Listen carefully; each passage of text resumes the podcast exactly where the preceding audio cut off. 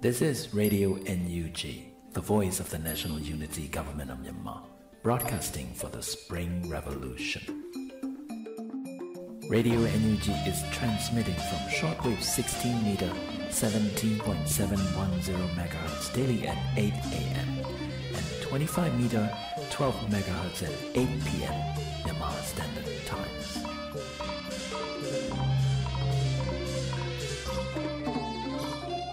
ခင်ဗျာအမျိုးသားညီညွတ်ရေးအစိုးရရဲ့အသံလွှင့်ဌာန Radio NUG ကိုမနေ့၈နိုင်မှာ flight meter 16 meter 18.87 MHz ညဘက်မှာ flight meter 25 meter 12 MHz တို့မှာတိုက်ရိုက်ဖမ်းယူနားဆင်နိုင်ပါပြီမင်္ဂလာအပေါင်းနဲ့ပြည့်စုံကြပါစေခုချိန်ကစပြီး Radio NUG အစီအစဉ်လေးကိုဓာတ်ရိုက်အသံလွှင့်ပေးနေပါပြီ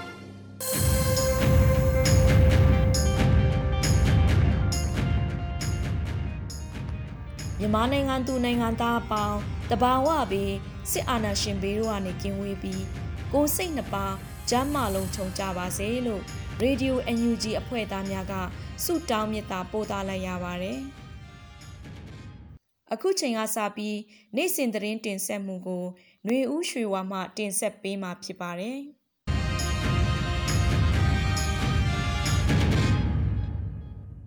စက်တင်ဘာလ29ရက်နေ့ရပြည်တွင်းသတင်းတွေကိုတင်ဆက်ပေးပါတော့မယ်။သတင်းကောင်းစီတွေကတော့စစ်ကောင်စီတပ်မှလက်နက်ကြီးများဖြင့်ရန်ပစ်နေတာကြောင့်ကြာရင်စိတ်ကြီးမြို့နယ်ရှိတောင်စွန်းကျေးရွာမှရွာသားများထွက်ပြေးတိမ်းရှောင်နေရစစ်ကောင်စီတပ်များနဲ့ BGF တပ်များလူခွင့်ရေးချိုးဖောက်မှုများကိုဇက်တိုက်ပြုလုပ်ဆိုတဲ့သတင်းတွေပဲဖြစ်ပါတယ်။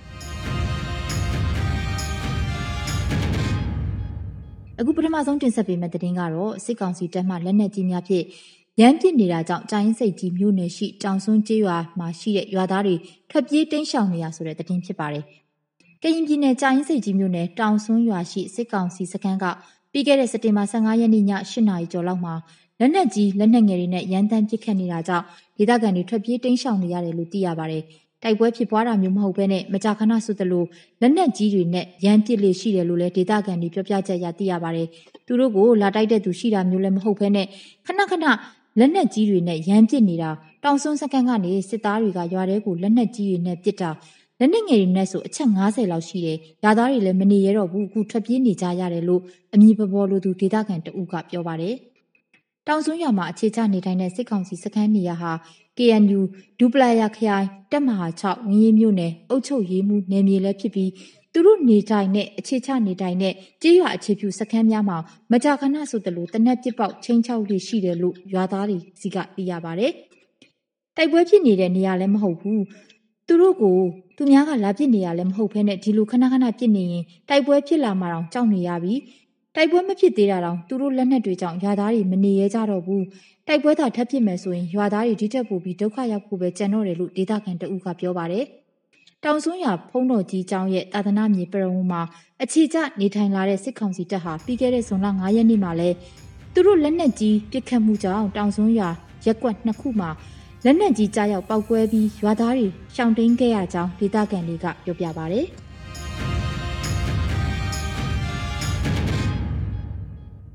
အခုတစ်ခါမှာတော့စစ်ကောင်စီတပ်များနဲ့ BGF တပ်တွေလူခွင့်ရေးချိုးဖောက်မှုကိုစက်တိုက်ပြုလုပ်ဆိုတဲ့သတင်းကိုတင်ဆက်ပေးပါမယ်။ပြီးခဲ့တဲ့စက်တင်ဘာလ23ရက်နေ့မှာအာနာသိန်းစစ်ကောင်စီတပ်တွေဖြစ်တဲ့ခလာရ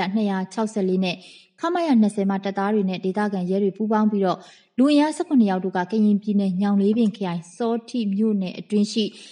အင်းကြိုက်ထမယုံအော်ဖလာနဲ့တရားကျိုးစတဲ့ကြေးရွာတွေစီဝင်ရောက်ပြီး၎င်းတို့ရဲ့တပ်ဖွဲ့တွေကိုစိတ်ခိုင်းဖို့အတွက်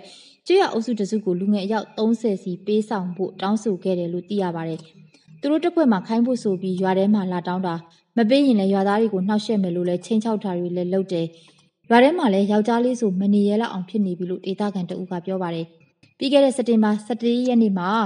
KNU မူတော်ခိုင်ဒွယ်လိုးမြို့နယ်မှာလှုပ်ရှားနေတဲ့နေကြားဆောင်တက် BGF တက်ရင်2013မှတရင်မှုရဲ့တပည့်ဖြစ်သူက လေဒီရွာသားတဦးကိုသူတို့စခန်းထဲဖမ်းဆီးခေါ်ဆောင်သွားပြီးအကြောင်းမဲ့ရိုက်နှက်ခဲ့တယ်လို့လည်းရွာသားတွေရဲ့ပြောပြချက်အရသိရပါတယ်။အဲ့လိုပဲပြီးခဲ့တဲ့စက်တင်ဘာလ19ရက်နေ့မှာလဲမေပရတက်စခန်းမှာရှိတဲ့နေကြားဆောင်တက် BGF တက်ရင်2014မှတရင်မှုရဲ့တပည့်ဖြစ်သူတဦးက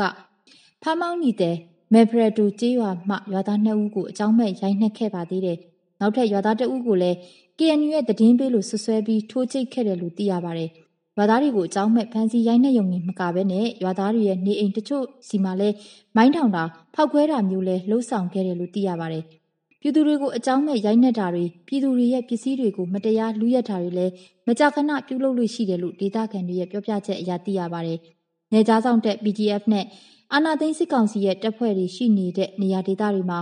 ပြည်သူလူထုတွေကိုလူအခွင့်ရေးချိုးဖောက်မှုတွေ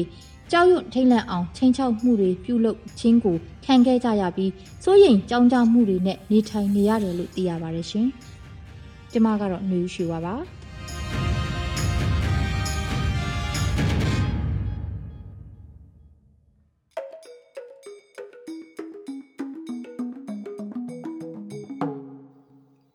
Radio NUG မှဆက်လက်အတန်းလွှင့်ပေးနေပါတယ်။ဆက်လက်ပြီးပြည်သူတိုက်ပွဲသတင်းများကို ကျော်ຫນွေဦးကဖတ်ကြားပေးမှာဖြစ်ပါတယ်။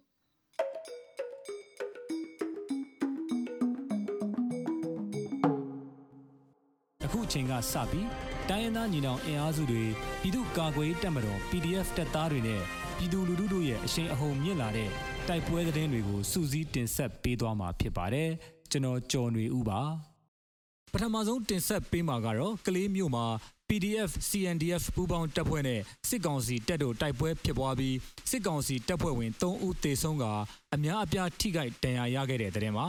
ကလေးမျိုးလေးအိမ်စုရွာနဲ့စီပင်ကြီးရွာအနီးမှာစက်တင်ဘာလ26ရက်တနင်္ဂနွေနေ့နေ့လယ်2နာရီခန့်ကအကြမ်းဖက်စစ်ကောင်စီတပ်ဖွဲ့အင်အား100ကျော်ခန့်ချီတက်လာတာကို PDF ကလေးနဲ့ CNDF ပူးပေါင်းတပ်ဖွဲ့တို့ကကြားဖြတ်တိုက်ခိုက်ခဲ့တာကြောင့်အကြမ်းဖက်စစ်ကောင်စီတပ်ဖွဲ့ဝင်3ဦးသေဆုံးပြီးအများအပြားထိခိုက်ဒဏ်ရာရရှိခဲ့ကြောင်း People's Defense Force ကလေးထုတ်ပြန်ချက်အရသိရပါဗျ။အကြမ်းဖက်စစ်ကောင်စီတပ်ဖွဲ့များဟာကြားဖြတ်ပိတ်ဆို့တိုက်ခိုက်ခံရခြင်းကြောင့်လက်နက်ကြီးများကိုသာအဓိကအားကိုးပစ်ခတ်ခဲ့ပြီးရှေ့ဆက်မတက်နိုင်ပဲစီပင်ကြီးရွာဘက်သို့လက်နက်ကြီးများနဲ့တောက်လျှောက်ပစ်ခတ်ခဲ့ကစီပင်ကြီးကတဆင့်မြို့လှအင်တိုင်းကုန်းဘက်သို့ဆုတ်ခွာသွားကြောင်းသိရပါဗျ။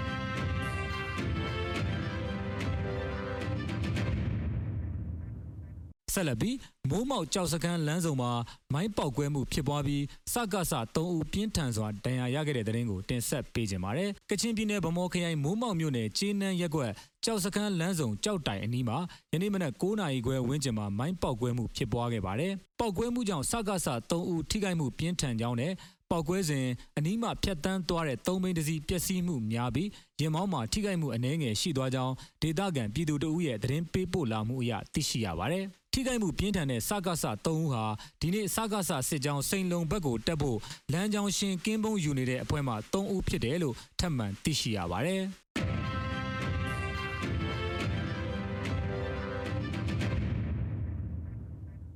ဆက်လက်တင်ဆက်ပေးမှာကတော့ဒီမော့ဆိုတိုက်ပွဲမှာစစ်ကောင်စီတပ်များဖီယိုဖျဲဖြစ်ခါပြန်လည်ဆုတ်ခွာသွားခဲ့တဲ့တဲ့တင်မှာ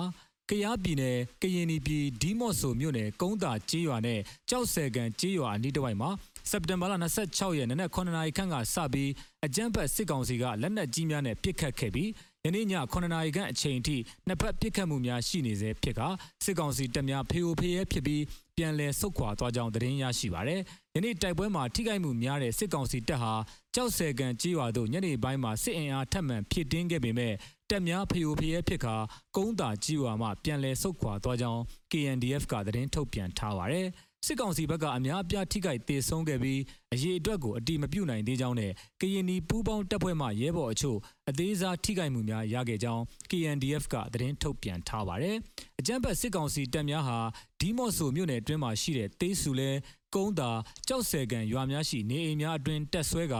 အများပြည်သူပိုင်ပစ္စည်းများအားခိုးယူဖျက်ဆီးသွားသလိုပြန်လည်ဆုတ်ခွာသွားချိန်မှာမိုင်းများထောင်ခဲ့ကြောင်းလဲကရင်နီပူးပေါင်းတပ်ဖွဲ့ရဲ့ထုတ်ပြန်ချက်မှာဖော်ပြထားပါရခင်ဗျာ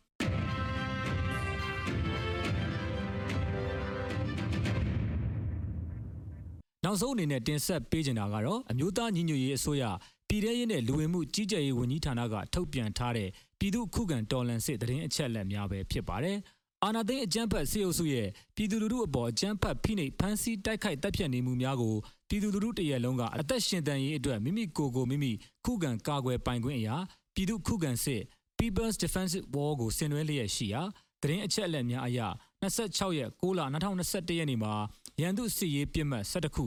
အုပ်ချုပ်ရေးပြစ်မှတ်9ခုစီးပွားရေးပြစ်မှတ်3နေရာတို့ကိုခုခံတိုက်ခိုက်နိုင်ခဲ့ပါတယ်။စစစ်အာဏာရှင်စနစ်မြမအမြေပေါ်ကအပြီးပိုင်ချုပ်ငင်းရေးနဲ့ Federal Democracy တိဆောက်ရေးအတွက်ငြင်းချမ်းစွာဆန္ဒပြတဲ့လူထုတပိတ်တိုက်ပွဲများဟာပြည်내နဲ့တိုင်းဒေသကြီးများမှာဖြစ်ပွားပေါ်ပေါက်လျက်ရှိပါတယ်။မြေပြင်မှာယခုတွေ့ရတဲ့သတင်းအချက်အလက်များထက်ပို၍ဖြစ်ပွားနိုင်ပါတယ်ခင်ဗျာ။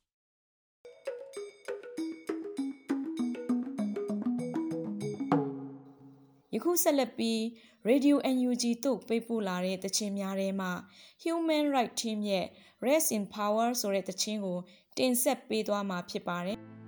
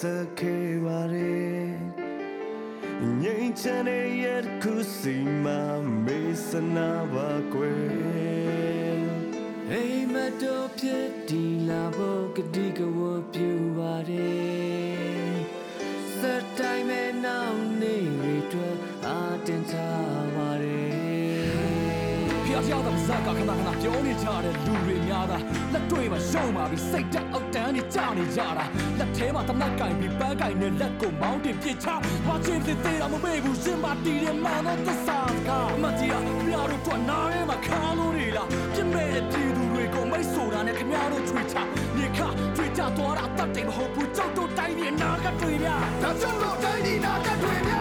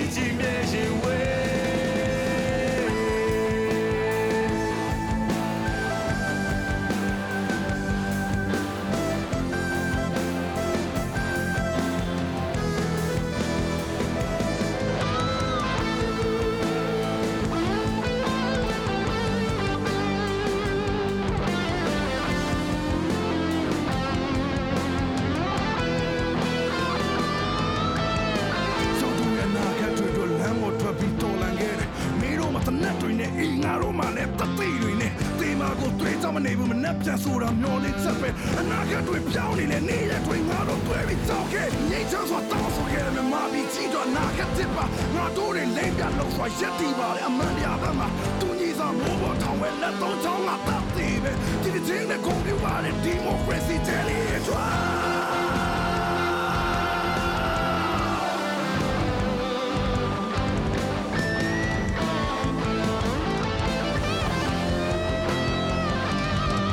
Say time.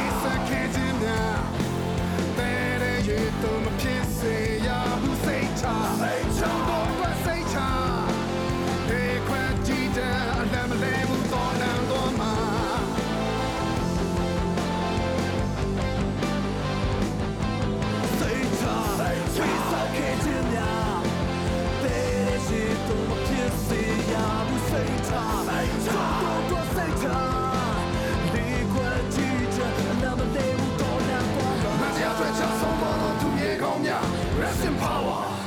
Rest in power မတရားထွက်ကြဆုံးသွားသောသူရဲ့ကောင်းများ Rest in power Rest in power မတရားထွက်ကြဆုံးသွားသောသူရဲ့ကောင်းများ Rest in power Rest in power မ Razem pała Rozjazdę czasem nową drugiego dnia Razem power.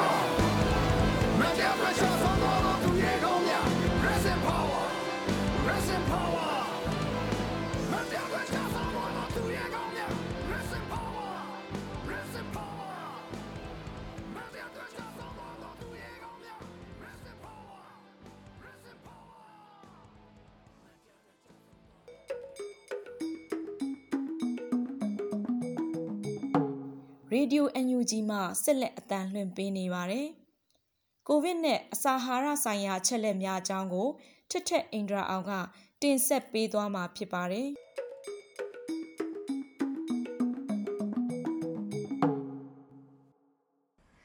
င်္ဂလာပါရှင်အခုဆိုလို့ရှိရင်ဒါ COVID-19 တတိယလိုင်းကလည်းနေမျိုးတွေစီကိုစတင်ပြီးတော့ရိုက်ခတ်လာပြီဖြစ်ပါတယ်။အဲကြောင့်မလို့ဒီလိုမျိုးနေရာတွေမှာတော့ပြီးတော့တိတ်ရှောင်နေကြတဲ့သူတွေအတွက်ဒီ COVID-19 ကိုဘယ်လိုမျိုးကာကွယ်မလဲအဲတကယ်လို့ဖြစ်လာပြီဆိုလို့ရှိရင်လည်းဘယ်လိုမျိုးတွေနေထိုင်စားသောက်မလဲဆိုတာကိုဒါအစားအသောက်နဲ့ပတ်သက်ပြီးတော့ပြောပြပေးချင်ပါတယ်ရှင်။အဲပထမဆုံးအနေနဲ့ကကြတော့ဒီအစားစားတဲ့အခါမှာအစာအုပ်စု ၃ခုပါအောင်စားတင်ပါတယ်။ဒါကတော့အားလုံးသိပြီးတဲ့အတိုင်းပဲဒါယောဂကာကွယ်စေသောအုပ်စုအင်အားဖြစ်စေသောအုပ်စုခန္ဓာကိုယ်ကြီးထွားစေသောအုပ်စုဆိုပြီးတော့ဒါအုပ်စု၃စုပေါ့နော်။ဒီအုပ်စု၃ခုစလုံးကိုကိုစားတဲ့အနက်တိုင်းမှာအတက်နိုင်ဆုံးပါအောင်စားပေးတင်ပါတယ်ရှင်။နောက်တစ်ခုကကြတော့ဒါဟင်းသီးဟင်းရွက်တွေတစ်သီးဝလံတွေကိုစားပေးရမှာပါ။ဒါကြောင့်မလို့လူကြီးတိတ်ဦးဆိုလို့ရှိရင်အာဒီဟင်းချိုပကံတစ်လုံးခန့်စားပေါ့နော်။အဲ့လောက်ကိုဒီအသီးရွက်တွေကိုနေ့တိုင်းစားပေးတင်ပါတယ်ရှင်။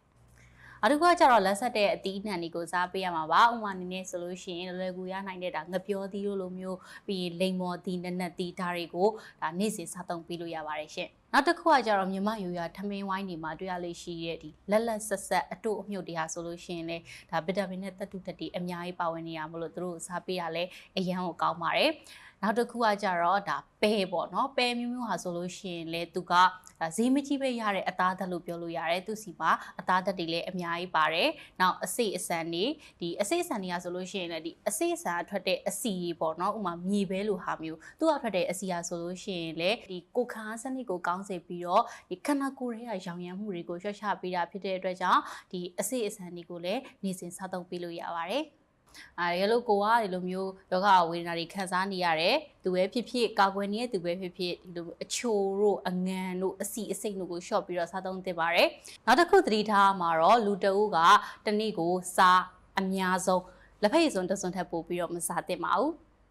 အခုကတော့ဒါအစားအစာတန်ရှင်းမှုနဲ့ဆက်ချင်ပါတယ်ဒီလိုမျိုးကက်ယောဂဖြစ်နေတဲ့ကာလအတွင်းမှာတန်ရှင်းမှုကတော့ဒါအရန်ကိုအရေးကြီးတာပါ ဒီယောဂဘိုးကဒါအစားအစာနေကူးဆက်တဲ့ယောဂမျိုးတော့မဟုတ်ပါဘူးဒါပေမဲ့လည်းဒီကိုစားသုံးတဲ့အစားအစာတွေကိုမကင်တွယ်ပေမှာဒီလက်ကိုအဲရေနဲ့စီကြောတာဆက်ပြားနဲ့တိချစီကြောတာမျိုးတွေလုံးတင်နေပြီးရင်အစားအစာချက်ပြုတ်တဲ့နေရာပေါ့နော်ချက်ပြုတ်တဲ့အခါမှာလည်းဒီသားစိမ်းငါးစိမ်းတွေကိုဒီချက်ပြုတ်ပြီးရဲ့အစားအစာတွေနဲ့ခွဲထားမယ်ပြီးရင်ဒီချက်ပြုတ်တဲ့နေရာမှာသုံးတဲ့အသုံးဆောင်ပစ္စည်းတွေအိုးခွက်ပကံတွေကိုလည်းတန်းတန်းရှင်းရှင်းဒါထားတဲ့တယ်အခုကကျတော့ဒီကာလမျိုးမှာပေါ့နော် အသားတွေကိုမကြက်တစ်ချက်ချက်ပြီးတော့စားရတဲ့ဒီကာလမှာကြက်အောင်ပဲချက်ပြီးတော့စားတဲ့နေရေကိုသုံးတဲ့အခါမှာလည်းဒီဒီရေတက်ကိုသုံးပြုတ်ပြီးတော့ဒီထမင်းဟင်းတွေချက်ပြုတ်တာမျိုးတွေလုပ်သင့်ပါတယ်ရှင့်အခုနောက်ဆုံးတစ်ချက်အနေနဲ့ကကြတော့ဒီကိုလက်လှူရှာအားကစားလုပ်ပေးဖို့ရဲရည်များများတောက်ပေးဖို့ရဲပါဒီအားကစားလုပ်တာဒီကိုလက်လှူရှာတာကလည်းဒီကိုခန္ဓာကျန်းမာရေးအတွက်လည်းမဟုတ်ဘဲနဲ့ဒီစိတ်ကျန်းမာရေးအတွက်လည်းသူကအရေးပါပါတယ်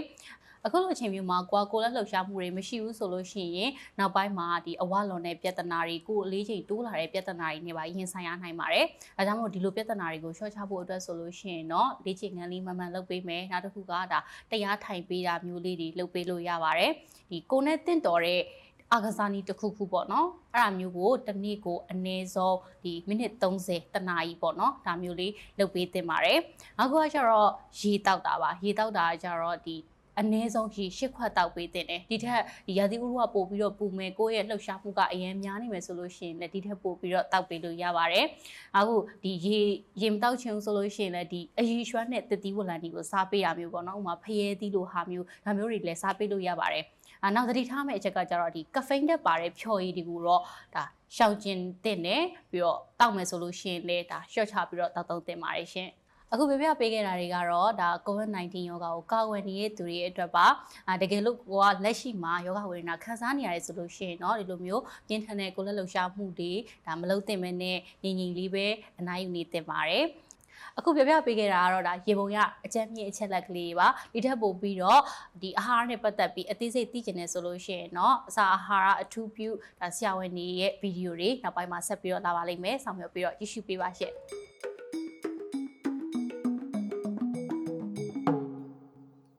ခုဆက်လက်ပြီးသခင်အန်ရေးသားထားတဲ့စစ်ပွဲတွေမှာပြည်သူလူထုရဲ့ပါဝင်ခဲ့မှုပုံစံမျိုးစုံဆောင်းပါးကိုຫນွေဦးကိုကိုကရွတ်ဖတ်တင်ဆက်ထားတာနားဆင်ကြရမှာဖြစ်ပါတယ်။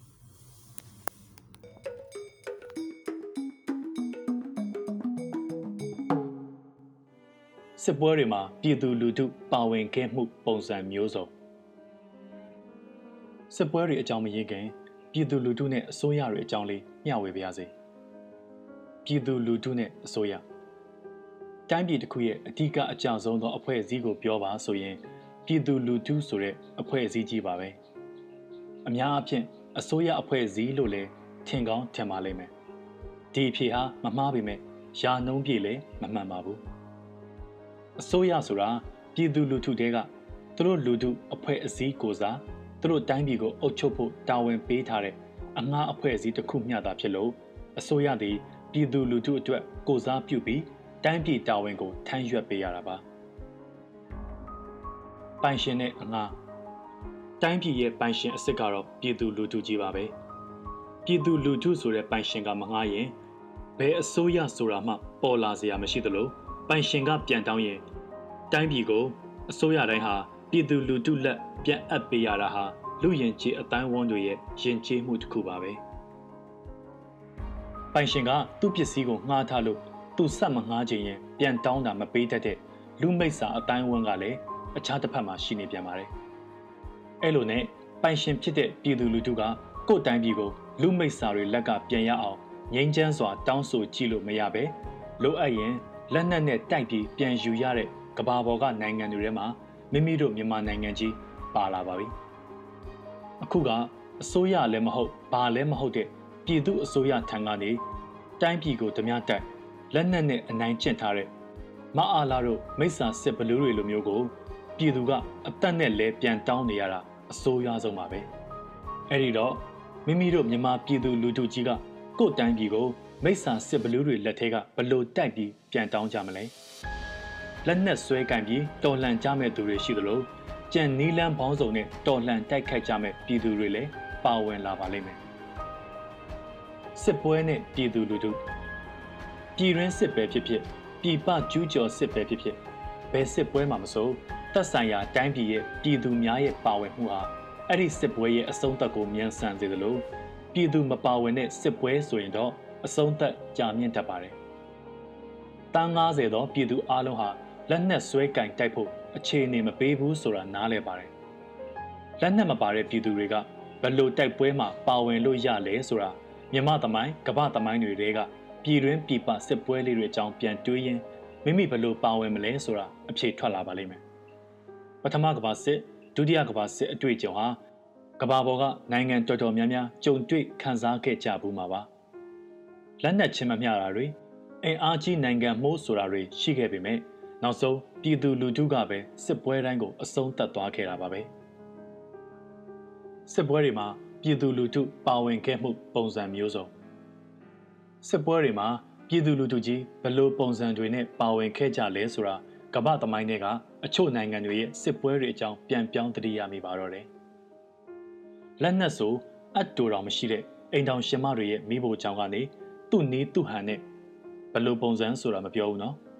ကြရနေရပါဝင်တော်လှန်ပေးမှုကြောင့်စစ်ပွဲမှာအသာစီးရခဲ့တာတွေရှိသလိုလေထွန်နေတဲ့တောင်သူဦးကြီးတွေရဲ့ထွန်တုံးထိတ်ကကြည်ထွက်လာသလိုမျိုးနွားကြောင်ရင်စစ်ပွဲအတွက်လျှို့ဝှက်စာပို့ပေးခဲ့ကြသူတွေကောက်ဆိုင်နေရင်လေကသင်းမှာရိုင်ဖယ်ဖွက်ထားပြီးလေကွင်းပေါ်ပြန်လာတဲ့ရန်သူလေရင်ကိုပြစ်ချတာမျိုးဆရာဝန်တွေရဲ့ဆေးထိုးအကင်နဲ့လက်ကနေရန်သူပြစ်မှတ်ကိုမှန်အောင်ပြစ်နိုင်သူတွေ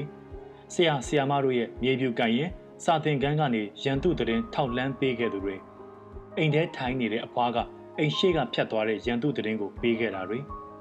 တော်လှန်ရေးရဲဘော်အချို့အရေးပေါ်ခိုလုံဖို့လိုလာတဲ့အခါမိမိတဲလေးမိမိအိမ်လေးထဲမှာသားသမီးလိုမျိုးစောင့်ရှောက်ပေးခဲ့တဲ့မိသားစုတွေစတဲ့သူတွေကြောင့်လည်းသူတို့နိုင်ငံတွေရဲ့စစ်ပွဲမှာအသာစီးရခဲ့ကြတာလေ့လာပူပါတယ်။နောက်ဆုံးတကယ်အရေးကြုံလာရင် ပြည်တစားအမျိုးသမီးလေးတွေရဲ့ပညာသားပါပါကုညီတော်လှန်မှုကြောင့်လည်းစစ်ပွဲကိုအသာစီးရစေတဲ့တာတကာလေးတွေရှိခဲ့ဘူးတာပေါ့ဆိုတော့ကမိမိတို့ရဲ့ຫນွေဦးတော်လှန်ရေးကြီးမှာလက်နက်ဆွဲကင်တော်လှန်သူကတော်လှန်လိမ့်မယ်လက်နက်မရှိတဲ့မိမိတို့ပြည်သူလူထုကြီးကຫນွေဦးတိုက်ပွဲကြီးမှာဘလို့ပါမလဲဆိုတာတော့ကမ္ဘာသမိုင်းမြမသမိုင်းကစစ်ပွဲအတွေ့အကြုံလေးတွေပြန်ပြောင်းအမှတ်ရစေချင်ပါတော့သည်အရေးတော်ပုံအောင်ရမည် သခင် and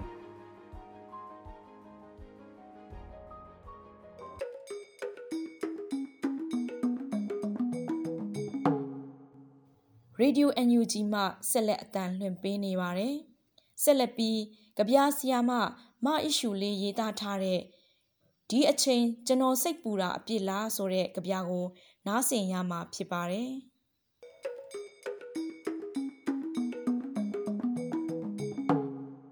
ဒီအချိန်ကျွန်တော်စိတ်ပူတာအပြစ်လား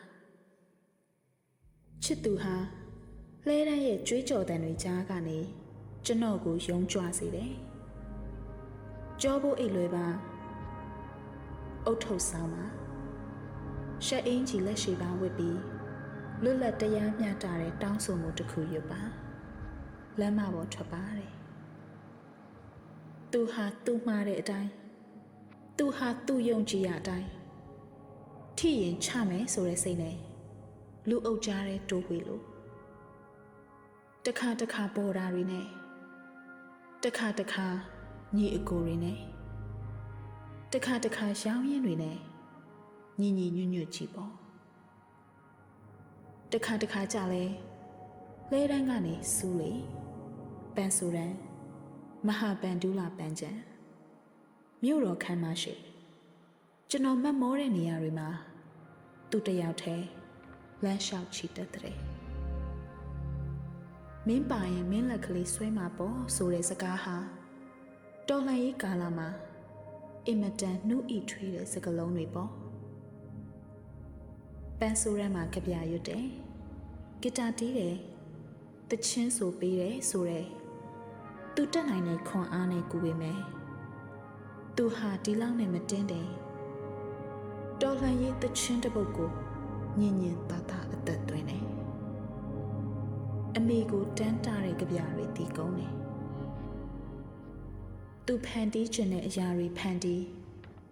တယောက်တည်းကြောဖို့အိတ်တလုံးနဲ့ပုံကံဖို့ခြိတက်နေတဲ့သူကိုမိုင်300ကျော်ကစိတ်ပူနေရတယ်။ကျန်းတစ်ထက်ကျန်းလာတဲ့ခရီးကျမ်းမှာလွတ်မြောက်ရာမှာသူရှိနေခြင်း သူ့ညီကိုဖမ်းဆီးသူ့အိမ်ကိုမှွေနှောင်ငွေသားတချို့ပစ္စည်းတချို့ယူဆောင်ဖျက်ဆီးခံရကျွန်တော်သူ့ကိုစိတ်ပူမိပြီ။ तू ကတော့သူ့တေးစာသားတွေသူ့မှတ်စုတွေသူ့စကလုံးတချို့တွေကလွယ်ဘာဆိုဘာမှမှုပုံမပေါ်တကယ်တော့ကျွန်တော်တို့အန်ဒီယယ်တွေနဲ့နီးပါပြီဒါပေမဲ့မတုံ့လှုပ်ဘူးပေါ့ အရေးတော်ပုံအောင်ဖို့အတွက်တတောက်တနေရာကနေကြိုးပမ်းလို့ဟောစစ်ကားတန်ကြားပြန်ပြီတဲ့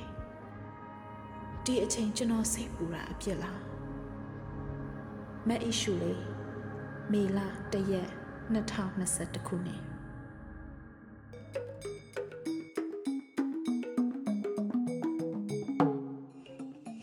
ဒီကနေ့တော့ဒီညနဲ့ပဲ Radio NUG အစီအစဉ်လေးကိုကိတ္တ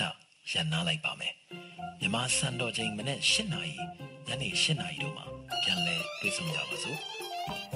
Radio NUG ကိုမနက်၈နာရီမှလှိုင်းဒိုမီတာ16မီတာ19.87 MHz ညဘက်မှာလှိုင်းဒိုမီတာ25မီတာ12 MHz တို့မှာတိုက်ရိုက်ဖမ်းယူနားဆင်နိုင်ပါပြီ။မြန်မာနိုင်ငံသူနိုင်ငံသားများ ကိုယ်စိတ်နှပြချမ်းမာချမ်းသာလို့ဘေးကင်းလုံခြုံကြပါစေလို့ Radio NUG အဖွဲ့သူဖွဲ့သားများဆုတောင်းပေးလိုက်ပါတယ်။အမျိုးသားညီညွတ်ရေးအစိုးရရဲ့ဆက်သွယ်ရေးသတင်းအချက်အလက်နဲ့ဤပညာဝန်ကြီးဌာနကထုတ်လွှင့်နေတဲ့ Radio NUG ဖြစ်ပါတယ်။ San Francisco Bay Area ခြေဆိုင်မြန်မာမိသားစုများနဲ့နိုင်ငံတကာကစေတနာရှင်များလုံအားပေးများရဲ့ Radio NUG ဖြစ်ပါတယ်။အရေးတော်ပုံအောင်ရမည်